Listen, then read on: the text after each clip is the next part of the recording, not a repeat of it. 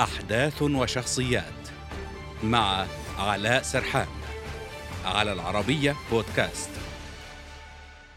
أصبحت مدينة الأشباح بعد أن كانت لؤلؤة قبرصية. أشهر منتجع سياحي في البلاد خلال الستينيات والسبعينيات. أكثر من سبعين في المئة من سكانها يرفضون العودة إليها إذا وضعت تحت الإدارة القبرصية التركية.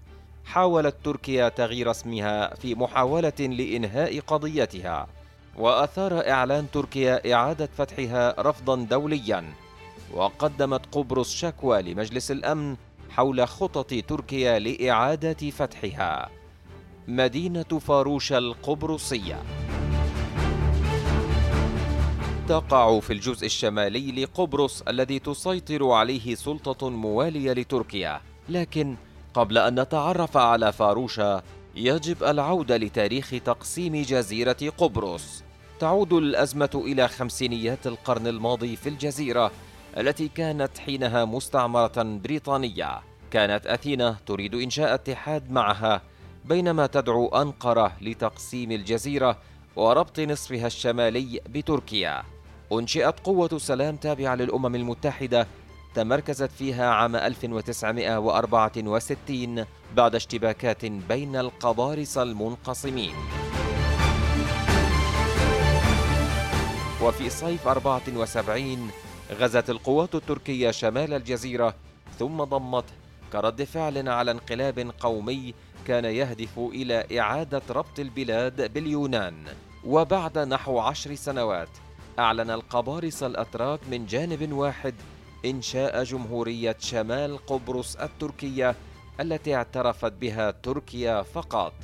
وبات يقسم الجزيرة خط أخضر بطول نحو 180 كيلو مترا وهو منطقة عازلة تراقبها بعثة الأمم المتحدة. خط يفصل جمهورية قبرص جنوبا تقطنها غالبية قبرصية يونانية وهي عضو في الاتحاد الأوروبي وجمهورية شمال قبرص التركية في الثلث الشمالي من الجزيرة ويسكنه قبارصة أتراك ولا تعترف بها سوى أنقرة.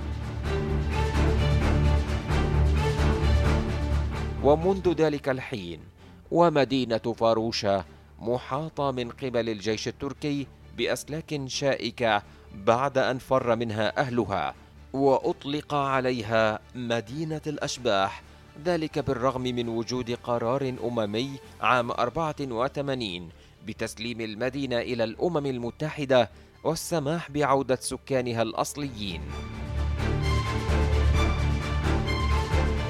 عقود مرت وفاروشة على حالها لكنها دائما ما كانت ورقة تفاوضية في المباحثات بين القبارصة الأتراك والقبارصة اليونانيين حتى توقفت المفاوضات عام 2017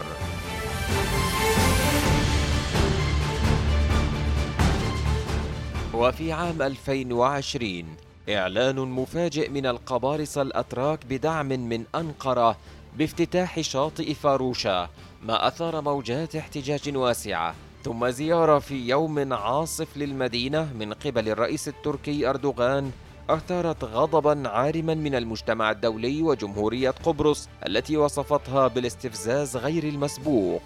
استفزاز تواصل بإعلان الرئيس التركي والزعيم القبرصي التركي إرسين تتار بنقل السيطرة على المدينة إلى القبارصة الأتراك ما يعد تجاوزا للخطوط الحمر الأممية والأوروبية في الملف القبرصي الرامية لتوحيد شطري الجزيرة ويجعل من فاروشة التي كانت دائما رمزا لتقسيم قبرص شوكة تركية في طريق وحدتها.